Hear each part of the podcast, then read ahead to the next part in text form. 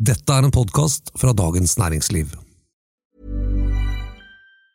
When you're ready to pop the question, the last thing you want to do is second guess the ring. At Bluenile.com, you can design a one of a kind ring with the ease and convenience of shopping online. Choose your diamond and setting. When you find the one, you'll get it delivered right to your door. Go to Bluenile.com and use promo code LISTEN to get $50 off your purchase of $500 or more. That's code LISTEN at Bluenile.com for $50 off your purchase. Bluenile.com code LISTEN. Ryan Reynolds here from Mint Mobile. With the price of just about everything going up during inflation, we thought we'd bring our prices down. So to help us, we brought in a reverse auctioneer, which is apparently a thing. Mint Mobile unlimited premium wireless. Ready to get 30, 30, bit to get 30, bit to get 20, 20, 20, bit to get 20, 20, bit to get 15, 15, 15, 15 just 15 bucks a month. So, Give it a try at mintmobile.com slash switch. $45 upfront for three months plus taxes and fees. Promo rate for new customers for limited time. Unlimited more than 40 gigabytes per month. Slows. Full terms at mintmobile.com. Even on a budget, quality is non-negotiable. That's why Quince is the place to score high-end essentials at 50 to 80% less than similar brands. Get your hands on buttery soft cashmere sweaters from just 60 bucks, Italian leather jackets, and so much more. And the best part about Quince, they exclusively partner with factories committed to safe, ethical, and responsible manufacturing. Elevate your style without the elevated price tag with Quince. Go to quince.com slash upgrade for free shipping and 365-day returns. Velkommen til den politiske situasjonen live. Vi er en podkast fra Dagens Næringsliv med kommentator Eva Grinde og meg, politisk redaktør Fridtjof Jacobsen. Og i dag altså fra økonomifestivalen Coconomics i Stavanger. På selveste Blyge Harry. Jeg, skal, jeg sier det på østlandsk, jeg håper det er greit. Blyge Harry. Jeg har hørt låta, i hvert fall. Ja. Blyge Harry.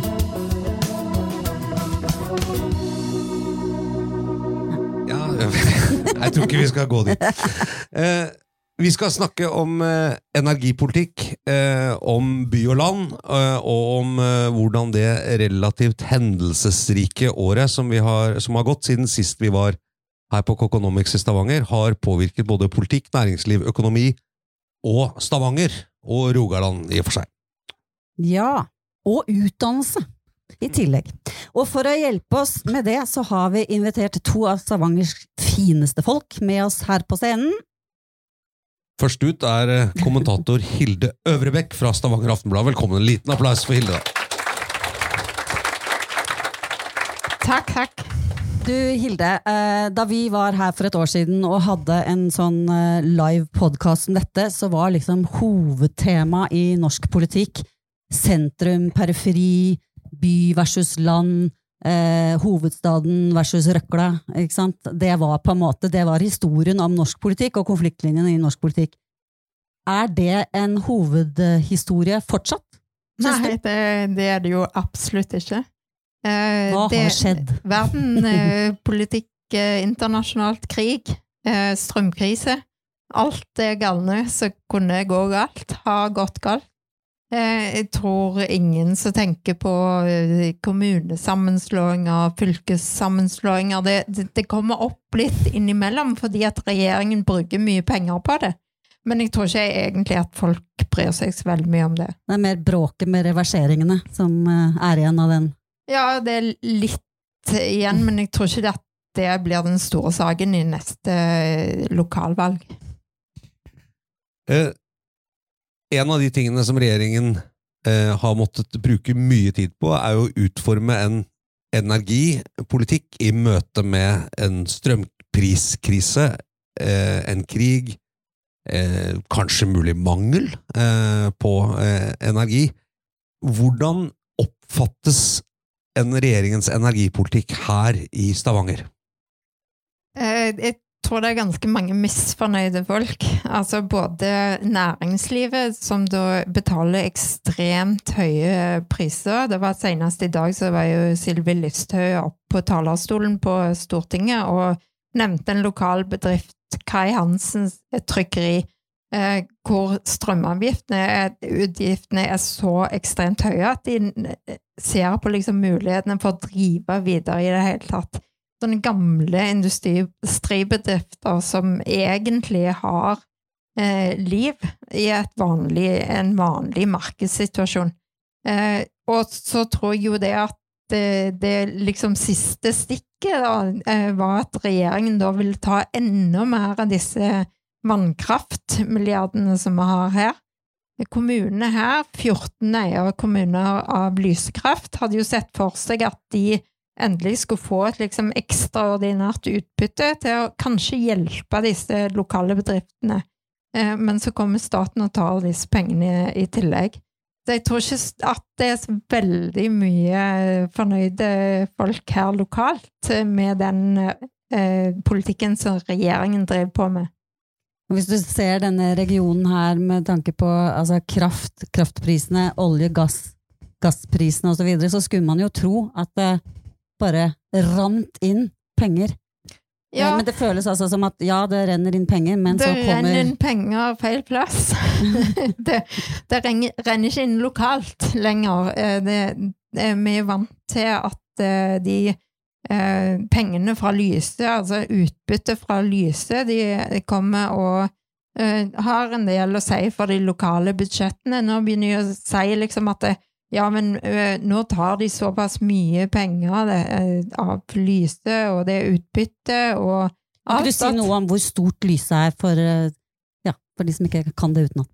Det er, jo, det, det er jo et av Norges største kraftselskap, og, og de eh, eier jo disse, eh, veldig mange av disse store magasinene rundt i dette distriktet. Så, eh, så det er jo ganske stort på, på budsjettene lokalt.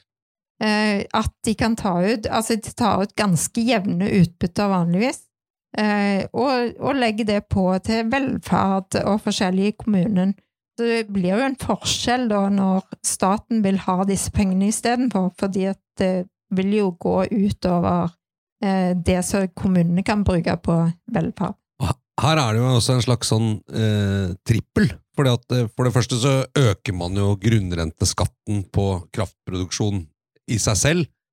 Og så kan man si jo, ok, det, det kan kanskje forsvaret si at det, det, er så mye lønnsomhet i kraftbransjen at man kan ta inn litt mer grunnrenteskatt. Og så kommer dette høyprisbidraget, som gjør at all strøm som selges til over 70 øre i kilowattimen, der tar staten så å si hele profitten. Så det mm. er ikke lønnsomt, disse voldsomme prisgreiene, nesten. Og så i tillegg har de jo sagt også at de som har store kraftinntekter generelt, eh, kommuner, og det er vel en del av disse eierkommunene til Lyset, særlig, særlig noen av de mindre, tenker jeg. Mm. Der trekker man inn tre milliarder av sånn kommunale rammetilskudd fordi for. Dere tjener nok penger eh, på kraften i denne ja, situasjonen. Den? Ja. konsesjonskraften som går til de kommunene, som da er en del av denne hjemfallsretten som kom på begynnelsen av 1900-tallet, hvor de kommunene som da har Eh, satt sine områder til disposisjon for eh, og utbygging av disse vassdragene. De skal få litt igjen for det. Nå kommer staten og tar en del av det òg. Oslo, som det også heter, når noen snakker om staten. Det var, det, ja, hva, vi i Oslo vil si vi er ikke staten, vi er bare en by, vi som bor men, her. Men ja. her, her, er det jo òg et paradoks, er at Oslo kommune taper jo òg store penger på dette. Masse. Det er akkurat det. Mm. Så man er på en måte både en hovedstad og noe lokalt borti der òg, ja. på øst på østkanten. Nei, men bare Måten du snakker på, så syns jeg kanskje ikke det er helt riktig å si at den der eh, sentrum-periferi-debatten er helt borte fra norsk politikk. Nei, hvis du tar vekk Oslo, da. For eh, Oslo er jo, eh, er jo Hafslund, eh, som òg har de samme utfordringene eh, med kommunebudsjettene som da må tas ned. Ja. ja så staten er ikke like Oslo, altså? Nei, ikke, ikke, ikke alltid. Men det der er jo uh, litt interessant, fordi at jeg tror hvis noen hadde sagt for et år siden eh, at en Senterparti-Arbeiderparti-regjering etter en valgkamp vi har hatt, skulle være en regjering som, hvor det ble mer stat Altså at, ble, at, staten tok mer penger. Det ble mindre igjen lokalt. Det ble mindre igjen lokalt eh, disponibel kommuneøkonomi. De sier jo riktignok at de skal gi en del tilskudd, men, men en del mye mer verdiskapning blir trukket inn når de skal få en større stat. Så jeg er, ikke, jeg er ikke, helt sikker på om det liksom resonnerte med, med, det man egentlig lovet, eller? Nei, det gjør det ikke i det hele tatt. Altså, det, var jo det Senterpartiet i fjor vant valget på. Eh, Det var jo egentlig at eh, de, de skulle gi masse til distriktene. Men hvor mye Og de vant veldig mye i Nord-Norge, på Nord-Norgebanen. Har du hørt om den i det siste? Nei. Så når han Geir Pollestad fra Senterpartiet kommer nå hjem til Rogaland, da, eh, hvordan går det, da? Ja, jeg vet ikke om han er så populær lenger. Nei. Men hvordan er det med Arbeiderpartiet? Hang seg jo på en måte langt på vei på den, sammen De med seg Senterpartiet. Hvordan på- er på den, og så hadde de jo eh, dette famøst famøse f eh, vanlige folk, Mm. som eh, det, det gjør snarr av eh, både her og der nå. Men, eh, men det, ja, at de hang seg på det, i tillegg til at liksom det skulle være vanlige folk sin tur. Eh, I dag var det jo en meningsmåling i Vårt Land hvor de fikk eh, 18 Eh, Det er jo historisk lavt, og eh, det, det, det virker liksom at det, det, det er ikke noe bånd lenger. Eh, At det kan bare gå nedover og nedover. Så jeg, jeg tror at de har tapt veldig mye på det. Veldig mange velgere forventer der med at det, nå skal det bli mer til oss, nå skal det bli mer til vanlige folk, mer til distriktene. Og det har de ikke fått. Og så er jo dette en by der Arbeiderpartiet har ordføreren, eh, Kari Nessa Nordtun, som er uh, populær, så vidt vi har forstått, det virket i hvert fall sånn i, i fjor. Uh, og, og det er jo litt nytt at Arbeiderpartiet har, har ordføreren. Det var jo Høyre-ordfører lenge, og er jo en, på en måte en slags eh, merkantil by, som man sier i, i Trondheim, Stavanger, på mange måter. Uh, men eh, hvor mye smitter denne 18 %-sykdommen over på lokalpolitikken her, da? Vi hadde en meningsmåling som viste altså, Vi spurte om populariteten til Kari Nessa Nordtun. Den er veldig høy. Eh, og eh, sen, eh, Senterpartiet og Arbeiderpartiet gikk jo litt ned, men ikke så mye ned som du skulle trodd. Eh, jeg tror faktisk at de frykter litt at, eh, sånn som under forrige valg, at Støre skal komme på besøk og ødelegge hele valgkampen. Eh, fordi at eh, de har jo vært en motpol her, og, eh, og har stått opp for Stavanger og regionen sine interesser mot regjeringen i Oslo. Så jeg tror nok at de vil stå seg på det, og fortsette det med å være lokale, stå for de sakene på næringsliv, på, på alt forskjellige ting lokalt istedenfor å henge seg på den eh, nasjonale politikken. Stavanger eh, liker jo å se seg selv som en energihovedstad. Jeg lurer på, eh, hva er det egentlig? Er Ja. det en klar, utvetydig sak? Ja, hva er det? er det en energisk hovedstad? Det det syns jo jeg er veldig dårlig definert, egentlig. Oljehovedstad er veldig greit, det er veldig konkret. Det er én ting. Eh, olja var her og kom her og eh, etablerte seg her. Men energihovedstad, hva næringer er det snakk om? Kanskje det er litt symptom på hele situasjonen, at den er, eh, den er litt verre å definere. Altså, det var Ja. greit med olje og gass lenge, og så skal vi jo et annet sted. Det kommer jo noen statsråder her av og til, og så sier de at ja, Stavanger er energihovedstaden. Men hva betyr det? Altså, havvind kan like greit havne i Bergen eller Trondheim eller noen andre plasser i landet, og hva, hva er det da? Eh, batterifabrikker er der eh, overalt ellers. Så jeg syns jo egentlig at eh, ja, det er politisk vedtatt, og det næringsforeningen snakker om det og sånn, men jeg, jeg, jeg syns ikke de har klart å definere det på en veldig god måte, hva det egentlig betyr. Men eh, et, et eh, trekk ved Stavanger det er sånn, eh, husker jeg så på en gang befolkningsutvikling i norske fylker. Og På 60-tallet så var eh, Nordland 250 000 mennesker, og Stavanger ca. 250 000 mennesker. Og eh, Da jeg så på det, tror jeg var i 2007 eller noe sånt. da. Men jeg tror det er omtrent likt. Det var Nordland 250 000 mennesker, og Stavanger over, eller Rogaland over 400 000. Ikke sant? Så, så det er jo eh, fremveksten av eh, oljehovedstaden har jo hatt enorme ringvirkninger. Og det var også da vi var her i fjor, så så oppfatter jeg at eh, det var en veldig klar ambisjon som lå i det energihovedstadet, at det store grønne skiftet, nemlig at all teknologi, innovasjon, hele dette som er bygd opp, særlig på land, ikke bare med å ta opp selve råvaren, men, men at eh, Stavanger skulle være kjernen for akkurat det når det gjaldt teknologiutvikling, eh, nyetableringer, eh, oppfinnsomhet, trøkk, fordi det er jo åpenbart at regionen ikke bare er god til å huse hovedkontorer og, og lage golfbaner og amerikanske skoler og sånn, men at de rett og slett var veldig mye kraft her, da, og, og, og både innsatsvillig og sånn.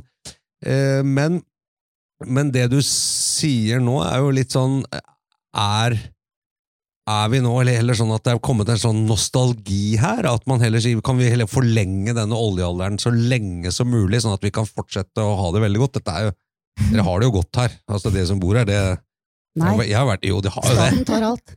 Ja, men det er fortsatt råd til å kjøpe noen feite biler og ha noen gode hus, da, ut fra hva jeg ser for mange, i hvert fall. Men, men altså eh, Hvis du skjønner hva jeg ville du, du snakket om for at det er fremvekst av et nytt parti som er kanskje litt opptatt av å forlenge denne oljealderen? da? Ja.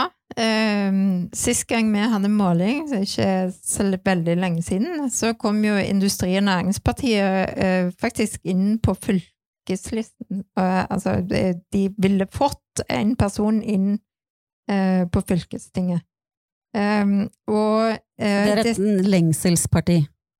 Ja, på en måte, men det, det er vel det at de er mer Eh, det tradisjonelle Arbeiderpartiet. Altså at folk som ikke føler seg hjemme i Arbeiderpartiet her nå lenger, for eksempel oljearbeidere og, og litt sånn industriarbeidere, at de finner det partiet, og, og så er, da etablert av en gammel Arbeiderpartimann, eh, og har kanskje de litt gamle verdiene til Arbeiderpartiet. Eh, pluss at de har en del saker som liksom disse folkene engasjerer seg i.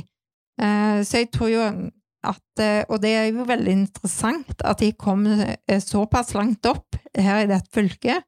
Fordi at du, du ser jo da det, det, er litt sånn Ja, nostalgi, men det er jo samtidig en industri her som virkelig snur seg rundt og gjør veldig mange nye ting. Så det er jo begge deler. Litt av begge deler, vil jeg si. Det er, bare, eh, det, det, det er, jo en nyhet i dag. Det internasjonale eh, energibyrået som har lansert en, eh, eller publisert en rapport og som viser at for første gang så, på verdensbasis så flater etterspørsel etter fossil energi ut. Sånn er det ikke her. Nei altså, Norge er annerledeslandet igjen, og kanskje Stavanger annerledesbyen over jeg tror alle. Det, det som snudde det, var jo den energikrisen og, og den eh, mangelen på gass i Europa. Ja. Fordi at før det så, så, var det jo veldig mye snakk om ja, hva, hva skal vi gjøre etterpå og sånn. Og ser du jo Støre og regjeringen og alle sier jo at ja, men nå, nå må vi bare kjøre på, finne mer gass, hjelpe Europa. Eh, så nå har det liksom blitt på en måte litt i vinden igjen. Eh, for å se hvor lenge det varer. Så, men, men det, det er jo det er ikke det samme som det ble snakket om for to år siden. Nei, det, Absolutt ikke. En, ting det har vært snakket mye om På Politisk kvarter, jeg, jeg tror det var i dag morges, så hørte jeg Fremskrittspartiet si at nå Altså, vi, De vil gjerne åpne Lofoten, liksom. Det, vi, vi, er der. Det, jeg tenkte det Lofoten og Vesterålen, det Uten å være indisk, så, så hadde jeg en gammel sjef i VG som var relativt glad i oljevirksomhet. Og så var jeg ny og skulle skrive en lederartikkel om sånn oljevirksomhet i Lofoten, og så og sa ja, hvordan er det? Så så sa han 'det er vi for'! sa han. ja, ok, ja, men liksom litt i, i sånn passe på natur og fisk, og jeg var litt der. Jeg var ikke helt sosialisert inn i VGs kraftsosialisme akkurat på den tiden. Og så så han på meg, og så sa han 'det er bare å bore sånn heilt oppå land'. det var hans greie. Skriv det. Så gjorde jeg det, da. Uh, uh, usignert. Men uh, Og i dag hørte jeg det var morsomt at Fremskrittspartiet sier nå vil vi åpne Lofoten Vesterålen. Altså vi er, vi er der igjen. Men, men en ting som jo har vært det, det store si, grepet og satsingen når det gjelder olje og gass, og for å holde sokkelen produserende helt over 2050, egentlig, har jo vært planen om en storstilt elektrifisering av uh, selve ja, Alle her vet jo elektrifisering av sokkelen, men, uh, men jeg oppfatter at det som på en måte har vært litt sånn Du kan godt være mot det, men det er ikke noe mer å snakke om. Det skal vi bare gjøre. Det er bare litt spørsmål. Skal vi gjøre det med havvind, med, med, med, land- med landstrømskomponent? At det er litt uh, At det står og dirrer litt. Øvrebekk får rett, liksom, til slutt her. Ja, jeg håper jo det. Ja. Eh, ja, for de som ikke har lest alle mine kommentarer, så, jeg jo, så, så syns jo jeg elektrifisering av sokkelen er en veldig dårlig idé, og en, eh, en veldig eh, Og ikke egentlig et klimatiltak. Kanskje du pynter på de norske tallene, eh, men det, det har ingen betydning globalt.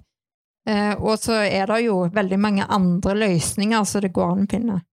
Eh, men det, det som den saken handler om, er jo at det er politisk vedtatt, eh, og det gir jo oljeselskapene en slags sånn license to operate, så derfor er de nødt til å si at eh, ja, dette skal vi gjøre. Eh, vi skal få ned våre tall og sånn, og det er pålagt av politikerne. Nå ser du jo i flere partier at det begynner jo å vingle litt. Senterpartiet har jo vært der. MDG er jo mot, Rødt er imot, eh, Frp er imot. Eh, Der er motstand i Høyre, som egentlig har vært ganske for de siste årene, til og med i Arbeiderpartiet.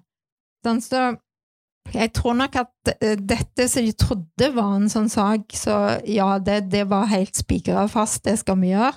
Begynner Begynne å røre litt på seg, og jeg tror nok at du vil få en litt større diskusjon om det. Men jeg tror det også henger veldig sammen med at det er fryktelig vanskelig å peke på klimagevinsten. Og liksom skal man gjennomføre noe med, med mange negative effekter, eksempel ikke minst da kraftpris, eh, Mm. bare for å nå noen mål, ikke sant. Det er vanskelig å ja, Ja, og nå, nå å jo argumentere for det i lengden politisk. Ja, det er jo det, og, og- og nå ser du jo Nord-Norge, eh, hvis du elektrifiserer Melkøya sånn som planen er, så er det ikke mer kraft igjen i Nord-Norge. Og så skal de elektrifisere Wisting-feltet i tillegg. Eh, Da er det i alle fall ikke mer kraft igjen, og de har jo ikke noen kabler som går fra sør, det kan forsyne de i, i noen år i alle fall eh, med kraft. Eh, Så hva skjer da? Da må du bygge ut ekstremt mye vindkraft, ekstra strøm. Det, da er du på da, da har du reindriften der oppe som du, du vil få konflikter med.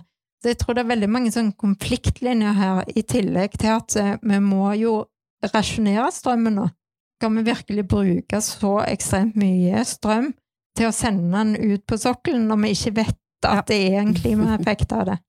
Nå har du fått henne i gang her. Ja, nei, godt spørsmål. Eh, Jeg vil si det er et veldig godt spørsmål. Eh, Og det, og det bringer oss litt over på det som er tema for neste gjest egentlig vi skal ha, som Ja. handler også litt om sånn hvordan ser fremtidige generasjoner og sånn, også på, på det skal skje. Men, eh, men elektrifisering der, der, må jeg innrømme, og det gjør vi sikkert eh, alle tre her, at der, der også merker jeg meg at ordbruken og små signaler sendes ut hele tiden, hvor man begynner å rygge fra noe som man egentlig var, som du Mm. sier, man hadde vedtatt. Som ligger i planer, som ligger i budsjetter, som står i Hurdal. Altså, I Hurdal er det tallfestet omtrent hvor mye av sokkelen som skal elektri- elektrifiseres, osv. Mm. Eh, men eh, det rygger, og det er kanskje at politikken må eh, den, hvis, den, hvis den møter virkeligheten og på en måte nekter å forholde seg til virkeligheten, da, da er den jo ikke så god, da. De, de må Nei, ha lov til å ta feil. Da. Du risikerer jo da å få sånne store protestaksjoner som på vindkraft og sånn, og folk ser dette på strømregningen sin. Eh, sånn som bompenger og alt dette her. Så, så vil jo folk begynne å protestere og begynne å si at eh, i all verden, hvorfor gjorde dere dette? Sånn med utenlandskabler, alle sånne ting. Ja, ja, det er sant. Krevende situasjon. Da skal vi følge med på to ting nå. Det kommer Støre på besøk eh, eh, i lokalvalgkampen i Stavanger i, i 2023. Eh, og om han gjør det, hvem er det som møter ham på flyplassen? Eh, det, det lurer vi litt på. jeg er ikke sikker på om noen gjør det. Nei, ikke sant? Eh, og så følger vi med på elektrifisering, og, eh, og så følger vi litt med på om, eh, med Industri- og Næringspartiet i spissen, da, om eh, Stavanger igjen begynner å kalle seg oljehovedstaden. Eh, eller olje- og gasshovedstaden, eventuelt, eh, og kutter ut dette med energihovedstaden. Ja, det er et slags kulturelt skifte på, på gang her, eh, Skiftet er her òg, for nå takker vi av Hilde Ørebekk. Tusen takk.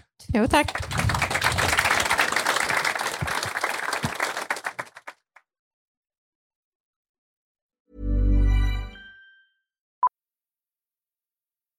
Millions of people have lost weight with personalized plans from Noom, like Evan, who can't stand salads and still lost 50 pounds. Salads, generally, for most people, are the easy button, right? For me, that wasn't an option. I never really was a salad guy. That's just not who I am. But Noom worked for me. Get your personalized plan today at Noom.com. Real Noom user compensated to provide their story. In four weeks, the typical Noom user can expect to lose one to two pounds per week. Individual results may vary. This is Paige, the co-host of Giggly Squad, and I want to tell you about a company that I've been loving, Olive and June. Olive and June gives you everything that you need for a salon quality manicure in one box. And if you break it down, it really comes out to $2 a manicure, which is absolutely insane. It's also so easy to get salon worthy nails at home with Olive and June. The difference between how your nails used to look when you did them yourself and now with the Manny system is a complete game changer. The best thing about Olive and June too is it's a quick dry, dries in about one minute, lasts for five days, and full coverage in up to one to two coats. Visit oliveandjune.com slash perfect manny 20 for 20% off your first system. That's oliveandjune.com slash perfect manny 20 for 20% off your first system. Ryan Reynolds here from Mint Mobile. With the price of just about everything going up during inflation, we thought we'd bring our prices down. So to help us, we brought in a reverse auctioneer, which is apparently a thing. Mint Mobile unlimited premium wireless. Ready to get 30, 30, bit to get 30, bit to get 20, 20, 20, bit to get 20, 20, bit to get 15, 15, 15, 15 just 15 bucks a month. So, Give it a try at mintmobile.com slash switch. $45 upfront for three months plus taxes and fees. Promo rate for new customers for limited time. Unlimited more than 40 gigabytes per month. Slows. Full terms at mintmobile.com. Og så skal vi få på vår andre gjest, som er eh, rektor ved Universitetet i Stavanger, Klaus Moen. Vær så god.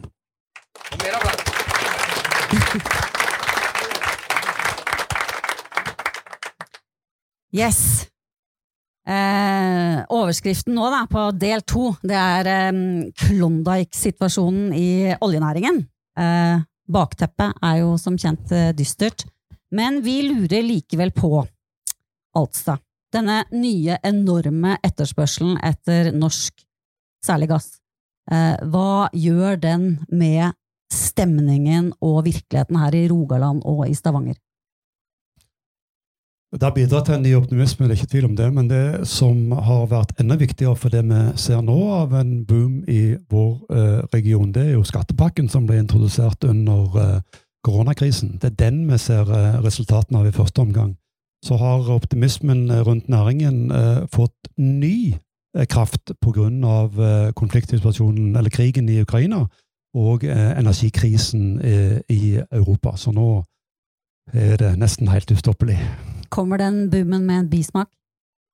Ja, for enkelte så gjør han nok det, og vi merker vel at det foregikk eh, i perioden mellom 2014 og 2019 eller noe sånt, så foregikk det jo veldig mye interessant eh, omstillingsarbeid og etablering av eh, nye bedrifter.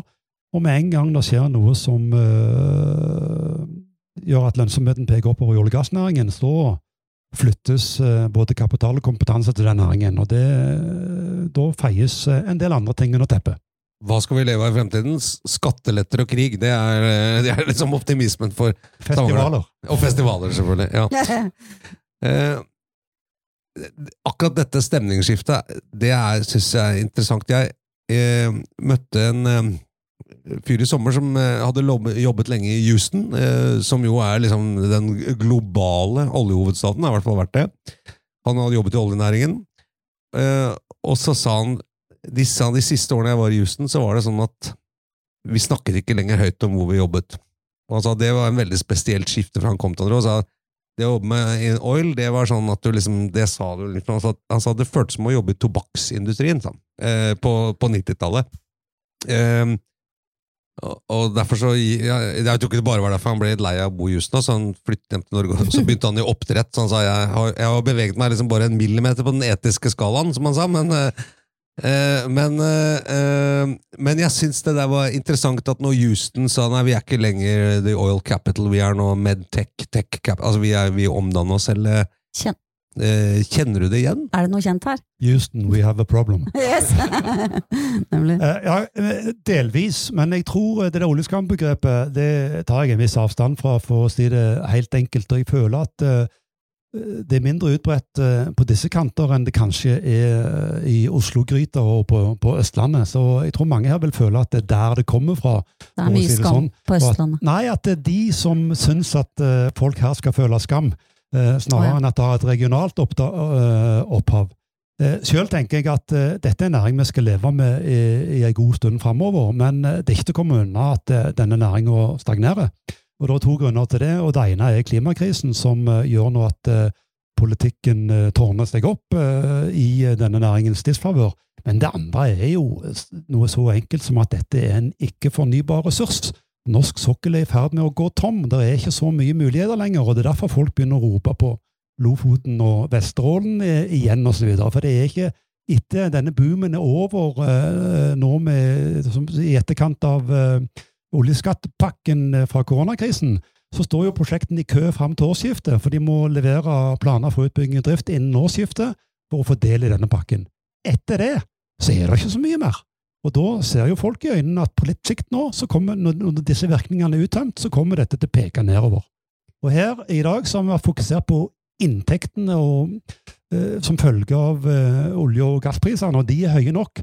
Men det er ikke sånn at vår region uten videre tjener på det. De pengene går jo til Oslo og til oljefondet, de, for å si det litt enkelt. Det vi lever på våre kanter, det er utgiftene. Mm. Så er oljeselskapenes utgifter. Og når oljeselskapenes utgifter går ned, fordi aktiviteten og investeringene går ned, det er da vi merker det på pungen i, eh, på våre kanter. Det er veldig interessant, det du sier, men jeg bare lurer på hvordan du kan være så sikker på at eh, det er oljepakken som gjør susen, at ikke liksom de høye prisene også vil være stimulerende for videre investeringer og aktivitet. Klart de høye prisene virker, og de gjør at det er enda mer som blir lønnsomt enn det som før var lønnsomt. Men hvis man ser Men rundt seg- videre etter Ja, ja, men hvis pappa. man ser rundt seg hva som måtte ligge klar av funn som skulle være klar for utbygging osv., så, så er det ikke så mye lenger. Og leteaktiviteten de siste årene har vært skuffende, så det er noen eh, Ja. materielle greier der som ikke er på plass på samme måten som tidligere. Det er jo snakk om også synet på olje og gass skrives jo også ofte inn i et, at det er en generasjonsskille der. At eh, eh, Equinor, som jeg hørte, jeg vil si en relativt god kilde i Equinor, sa at hele vårt navneskifte fra Statoil til Equinor handler om at vi har, eh, vi må ikke få rekrutteringsproblemer med de beste unge hjernene som vi trenger for å gjøre det vi skal gjøre i fremtiden, og da kan vi ikke ha et navn som signaliserer at vi driver med olje, for selv om vi betaler veldig godt, så vil ikke de jobbe med olje og gass. Det er, det er et moralsk, etisk spørsmål. Eh, merker du, du som eh, er rektor på et universitet, fullt unge mennesker, ja, men, men, men er også den mentaliteten litt i endring, eller er den like eh, Eller er det den samme også nå? Tusen takk. Ja, jeg omgås unge mennesker og studenter, og vi ser dette i tilstrømmingen til våre studenter. Nei, tilstrømmingen til våre studier. Vi er jo opptatt av søknadstallene. Og hvis du ser på petroleumsrelaterte studier hos oss, så har søknadsmassen der falt med eh, ganske dramatisk, og på en måte som har gjort at vi har måttet ta ned kapasiteten på eh, disse studiene. For uh, Og ikke fem år- skifte navn, men altså Nei, endre for fem år siden så hadde vi opp mot 600 studenter som gikk på oljerelaterte studier hos oss. Av 12 000, så det er vi likevel ikke et oljeuniversitet, for å si det sånn. Mm. Det er sterkt overdrevet. Men nå er det 250 til 300. Og som om ikke det var nok, så er de på mastergradsnivå på disse studiene, så er det flest utlendinger. Det er aller flest utlendinger som går på disse studiene. Så når eh, Ola Borten Moe nå kutter eh, eh, Når han innfører studentbetaling for eh, disse utenlandsstudentene, så er det en virkning her som jeg tror han ikke har kalkulert godt nok inn. Og det er at eh, da faller da masse av disse utenlandsstudentene bort, og vi kommer til å måtte ta ned eh, kapasiteten ytterligere. Dette gjelder ikke bare oss. Det gjelder andre institusjoner også i Norge som utdanner tilsvarende arbeidskraft. det er allianse mellom Ola Borten Moe og Lan Marie Berg her om å få lagt ned det petroleumsstudiet, rett? Ja, Det er jeg usikker på, men jeg har en mistanke om at dette er en virkning Ola Borten Moe ikke har tenkt nøye nok over. Men eh, det har vel vært ett opptak etter eh, krigen brøt ut og, og denne enorme effekten på, på gassprisene? Eller Men verken- ser man noe endring? Vi merker en viss oppgang i interessen for oljerelaterte studier de siste par årene i forbindelse, men, men det er, vi er liksom ikke på langt ned tilbake Nei. til de nivåene vi hadde i 2014 og 2015. Og disse studiene er vesentlig mindre enn de var den gangen, og nokså dominert av eh, utenlandsstudenter, spesielt på mastergradsnivå. Er det noen form for etisk betenkelighet i Rogalandsregionen nå over at eh, man tjener så eller at olje, man tjener så mye penger på, eh, på gass? Og at det er ikke knytta til krigen? Eller er det bare good times på det? Nei, uh, her tror jeg at uh, holdningene til olje- og gassnæringen i gjennomsnitt er noe mer uh, vennlig stemt enn i resten av landet. Og kanskje spesielt i uh, caffè Latte-bydeler i Oslo osv. osv. Du kjenner Ja, det er skammelig. Det er skammelig, altså. Ja, ja, Ja, men- det er det. Vennlig stemt? Hva, tenkte, hva mente du? Nei, jeg tenker at man er, Men likevel jeg hadde tenkt å si, men likevel så er det kontroverser rundt denne næringen, og uh, også i vår region. Og det er sånn at det er et, et, eh, en forskjell mellom generasjonene. Så unge mennesker er jo opptatt av å omstille seg bort fra dette i større grad enn de som har skapt seg en karriere i eh, denne næringen. Så de forskjellene ser vi, men kanskje litt mindre uttalt enn i resten av landet. Og når det gjelder inntektene, så har jeg lyst til å si at det er ikke de vi lever av her. De kommer jo ikke til vår region. De går til, inn i statskassen og inn i oljefondet. Så det er ikke det vi skorer oss på. Det er aktivitetsnivået Ja, vi skorer oss på. Ja, ja, men det skjønner man jo. Altså, det, vår region ja. skal ta et større ansvar for at gassprisen stiger, det skjønner jeg ikke helt. Nei, nei, men jeg skjønner også at det, at det blir en viss reaksjon hvis det føles oppleves sånn at det kommer folk fra Oslo og østlandsområdet og sier hei, dere må skamme dere over alle disse inntektene. Eh, Hvis det er sånn du opplever det, da. For den der oljeskammen tror jeg er, bør fordeles jevnt utover Ikke sant? nasjonalt. Nettopp. Det er Eh, mitt poeng òg. Mm. Det er jo litt tilfeldig at det endte opp i å finnes utenfor kysten akkurat her. Ja. Men det, Eh, så det- det vi kunne diskutere, det vi skulle dele av disse ekstrainntektene, det er jo et veldig godt spørsmål. Jeg reiste spørsmålet her i et arrangement for fem år siden allerede, om vi skulle gi bort oljefondet. For oljefondet er, hvis du setter det litt på spissen, en tippegevinst. Så hva er det som gjør at vi som nasjon har gjort oss for, uh, fortjent til denne var veldig ekstragevinsten? populært forslag, regner jeg med. Nei, ikke i det hele tatt. Ikke i det hele tatt. Men det er for å sette en sak på spissen, og nå kommer dette opp igjen. For nå ser liksom plutselig folk at dette er jo ikke rettferdig at vi skal få alle disse pengene. Og så Ja. er det er jo flere underlige ting der, og det er at folk har en klar oppfatning også av at hvis det er ekstrainntekter, så må man bruke de til å, til å gjenoppbygge Ukraina. Men det er jo ikke heller øh, sikkert. Det kan jo være mer trengende mennesker i verden enn de som er i Ukraina, tross alt, altså. Så hvorfor skal er det akkurat Ukraina som i så fall skal få disse pengene hvis vi skal dele det ut? Det er større spørsmål, men det har lite med vår region å gjøre. Ja, det er jeg enig i, men, eh, men det kan jo hende at når man driver mye med petroleum og olje og gass og sånn, at man tenker litt mer på den andre og får større bevissthet og klarere tanker rundt tematikken. Tror folk, her, det virker sånn. tror folk, her, jeg tror folk her tenker aller mest på at de har en jobb å gå til, at den betaler. Ja. Og det er ikke så viktig om en bygger båtplattformer eller vindmøller. Eh, Det kommer en ny sesong av Lykkeland, det har dere sikkert eh, lest om. Eh, Hvor eller- langt frem går den? Er det noen som vet det? Ja, nei, det, jeg tror ikke den går helt til 2015, for da kunne den jo ikke hett Lykkeland. ikke sant? Men, eh, men, eh, men eh, den serien syns jeg er veldig interessant, sammen også med en dokumentarserie som er lagd, fordi at den den er jo en eh, Først er den veldig godt spilt og, og godt lagd, men den er jo også en historie om mange av aktørene som er med på dette svære, er jo eh, Noen er jo progressive, noen er litt eh, Det er jo noen veldig sånn norske verdier i det, og det er jo, eh, sant, det må, er jo egentlig en gullserie for hele dette prosjektet om at et, eh, mens de aller fleste landene finner olje og gass, så blir det Enten så blir det Emiratene og Saudi-Arabia som er diktaturer, eh, eller så sløser de bort alle pengene, som de gjorde i Holland, eller så går det helt av skaftet, så har vi klart å holde på noe sånn ikke bare norske, men også kanskje rogalandske litt nøysomhetsverdier og, og sånn i møte med rikdommen, selv om materialismen er jo til stede her, vil jeg si. Men, men eh, Selvtilfredsheten er i hvert fall ganske upåklagelig. ja, ja da. Hva eh, kalte du ja. det? Hva sa du? Selvtilfredsheten. Men den er jo tillært, ikke sant? Eh, Mine foreldre bodde her fra 1970 til 1971, og det er veldig gøy å snakke med, med dem om det, for de sa det, det var altså en så annerledes by, eh, også mentalt. Da. Det, vi, har noen vi har slektninger her, men, det, er- men også mentaliteten er så annerledes, og interessant hvordan Bedehusene og det der? Det ja, ser man jo i Lykkeland. Ja, hele selvtilliten, eller hva man skal si. Det, men, men eh, det, er jo fascinerende. Man kan jo si, Det kunne vært oljehovedstad i Bergen. Det kunne vært, det kunne vært eh, hadde- og tenk, tenk deg bergensere med oljerikdom. Altså, Jesus Christ, det, det hadde vært krevende. Det, er rett, det er ikke Det sikkert at det hadde vært i Norge, da. Uh, uh, så så jeg, jeg, jeg er ikke- er sikkert det er helt tilfeldig at liksom grunnen til at vi snakker om hele denne rikdomsfordelingen, og at vi har klart å beholde vettet på en måte i møte med så store rikdommer, at det er helt løsrevet fra, fra Rogaland, det, eller hva tror du? Det var et oppspark, ta, da, til, ta egentlig, men eh, ja. fortjenesten. Ja. Tror du har, for lang, har vært for lenge i VG? Jeg tror det, ja. Han er i Dagens Næringsliv, Ja, ja, altså. ja. Ja, jeg er klar over det. jeg er klar over det, Vi har snakket om historien i VG, og vi vet jo litt om VGs linje Mm. til olje- og gassnæringen Ja. osv. Men eh, jeg er enig. Lykkeland er jo en veldig spennende serie, og den gir et portrett av en region som har gått gjennom en enorm transformasjon, som du var inne på før sceneskiftet. Og Det er jo det som karakteriserer vår region, og som er veldig spennende, det er at vi har booma så vanvittig kraftig i løpet av disse 50 årene. Så innbyggertallet i fylket er sikkert dobla innen nå, altså eh, siden 1970, og innbyggertallet i Stavanger er dobla i den samme perioden. Men ser en på eh, kommunene rundt, så er historien enda mer dramatisk. For Sandnes, som ligger rett sør, der er innbyggertallet tredobla.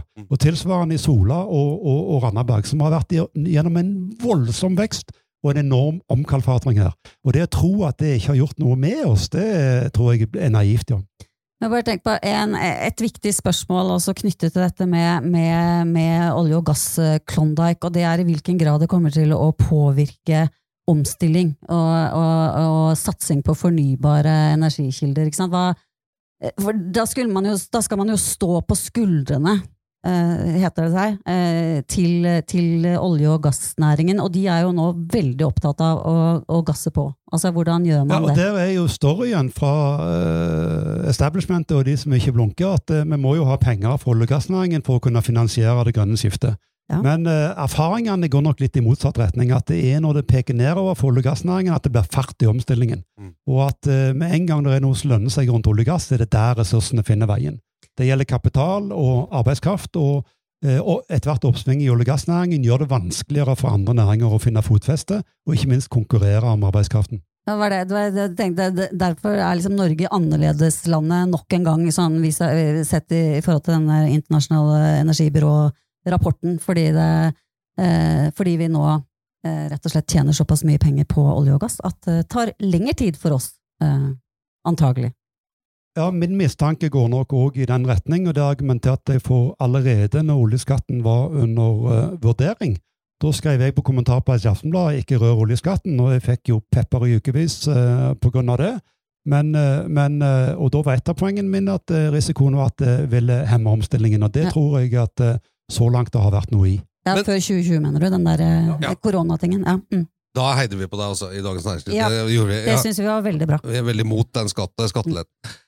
Har vi alltid vært. Eh, kommer vi alltid til å være. Men, eh, eh, men det grønne skiftet, som jo er et ganske sånn ullent begrep, eh, men, men, kjernen i det, slik jeg oppfatter i hvert fall det som mest det kompromisset i Arbeiderpartiet mellom AUF og Fellesforbundet, eller LO, vi eh, beholder oljebransjen så lenge som mulig, og på den så bygger vi en ny grønn industri. For som du sier, det er, det er ikke selve, selve energiproduksjonen å hente opp det, det er alt det andre og tredje og fjerde ordenseffektene av det som skal gjøre at vi skal bruke dette. Og da tenker jeg at hvis, det, hvis den overgangen ikke fungerer eller er i gang her, som er jo et av kjerneområdene for både teknologisk kunnskap, kapital, eh, og antageligvis fornuftige analyser om fremtiden som man skal leve av, eh, så kan det jo umulig lykkes nasjonalt. Altså, det er jo her dette må starte, for det er jo her på alt fins. Så hvordan står det til? Hvis det skal være de samme folka som da er fullt opptatt av å drive med noe helt annet, hvordan skal man Ja, få det det- til? Liksom? Det er jo Ja, det er veldig har- retorisk vakkert. De har det beste eh, utgangspunktet for å ta det grønne skiftet, fordi de har penger, de har know-how, de har liksom oppe en, eh, et kapitalmiljø, de har alt som Ja. på en måte trengs. Så- her er jo her det må begynne. Hvordan står det til? Ja, Ikke så fantastisk, eh, tror jeg jeg vil si, men jeg er enig i at vi har et godt utgangspunkt. Men vi trenger òg kniven på strupen, tror jeg, Ja. før det blir skikkelig fart i dette. Så det er en omstilling på gang, men ikke av den skalaen og det tempoet som vi egentlig trenger. Og jeg er enig i premissen òg om at eh, vår region er på sett og vis Norge satt på spissen. Fordi vi har fått den eksponeringen eh, eh, mot olje- og gassnæringen i mye større utstrekning enn resten av landet.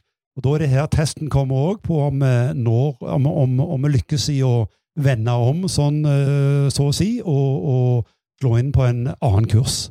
Jeg tror òg videre at um, oppskriften på omstilling er, litt forenkla, for vi er litt uh, for oppsatt i at dette skal skje innenfor nåværende bedrifter, innenfor nåværende næringsstruktur, og helst med de samme ansatte og de samme lederne på toppen osv.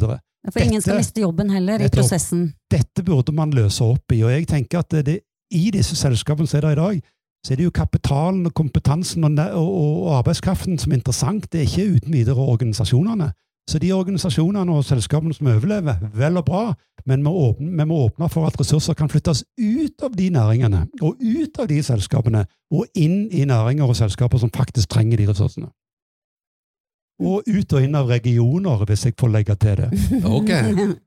Ja vel. Eh, det er mulig, men eh, litt tilbake til Lykkeland. En, en ting som og Kanskje dette har noe med Arne Rettedal å gjøre, og noen rundt han, men en ting som slår en når man ser at, Stavanger ble oljehovedstaden, og det var jo andre byer som ønsket å bli det, men de, de, men de jobbet ikke så mye for det, var at, at eh, noen her, og kanskje Rettedal i spissen, gikk på tvers av det man kan kalle en sånn skeptisk, reaksjonær impuls om at vi skal beholde det gamle, og var villig til å si at vi må bare kaste alt opp i lufta og bli en helt ny by. Det, det, er, altså, det er krevende.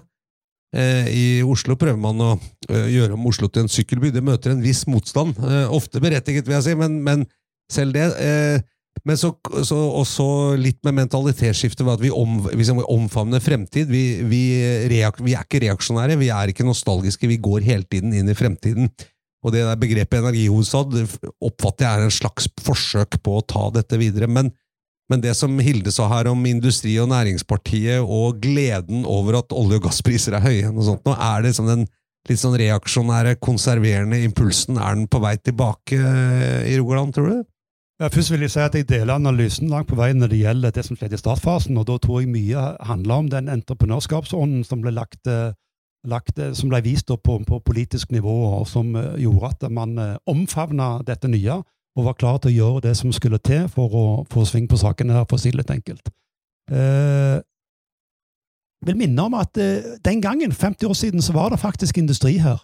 Og det var kjente varemerker som eh, DBS-sykler og Pioner arbeidstøy og Bjelland sardiner osv. Det er borte. Alt sammen er borte. Det er ingen tradisjonelle industribedrifter som har uh, kjente varemerker lenger. Og Det er òg en del av uh, denne historien, for vi har vendt alle våre ressurser mot olje- og gassnæringen. og Det har tjent oss godt i økonomisk forstand, men eh, det er noen offer her hvis det er nostalgikere som eh, legger vekt på det. Nå ser du det igjen, eh, snakket du med oss om på forhånd her også, at liksom de beste folka går inn i den eh, næringen. At man støvsuger markedet, arbeidsmarkedet for flinke folk. Ja, Det er ikke til å komme unna at olje- og gassnæringen er, har høy betalingsvilje. Eh, både for varer og tjenester og arbeidskraft. Og, og, og, og, da, hvis det går oppover der, så er betalingsviljen eh, eh, veldig stor. Eh, spesielt for knapp arbeidskraft. Og jeg har snakket med mm, folk som prøver å sette opp eh, mindre IT-grupper eh, for entreprenørselskaper i denne byen, f.eks. Det er helt umulig.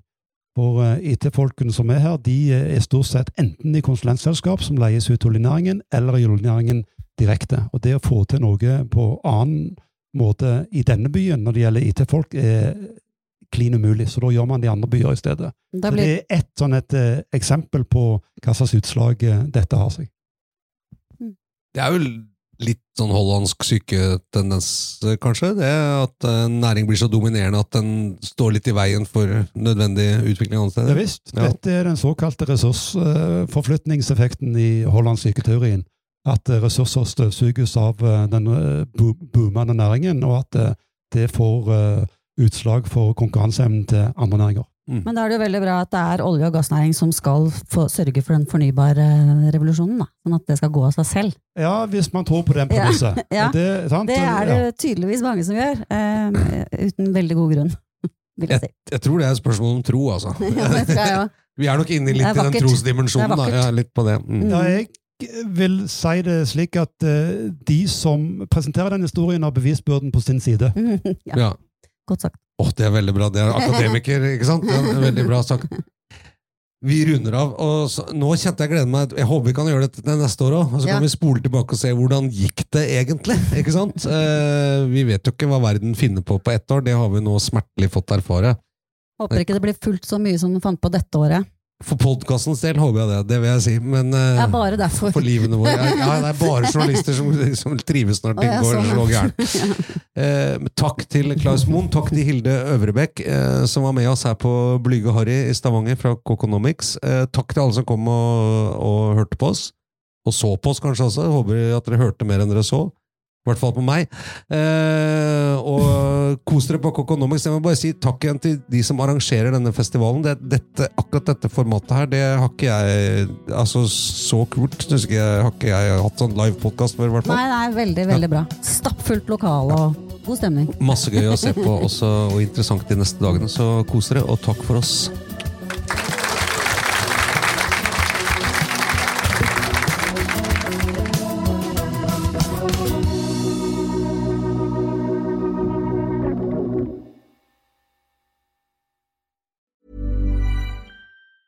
Planning for your next trip?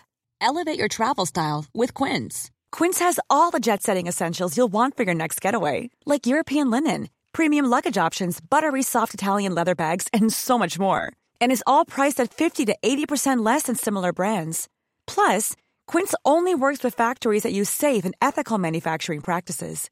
Pack your bags with high-quality essentials you'll be wearing for vacations to come with Quince. Go to quince.com slash pack for free shipping and 365-day returns.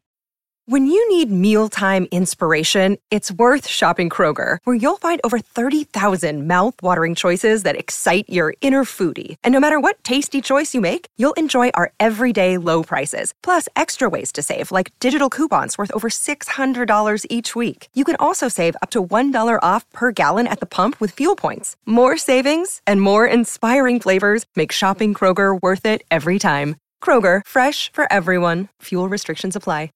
Save big money when you start your next project today at Menards. Check out our great selection of garage and utility lighting options in stock, ready to take home today. We carry everything to help you illuminate whatever project you're working on. Shop garage and utility lighting products in store at your nearest Menards. You can also view all of our entire selection of lighting options today on menards.com. Save big money at Menards. Du har nå hørt en podkast fra Dagens Næringsliv.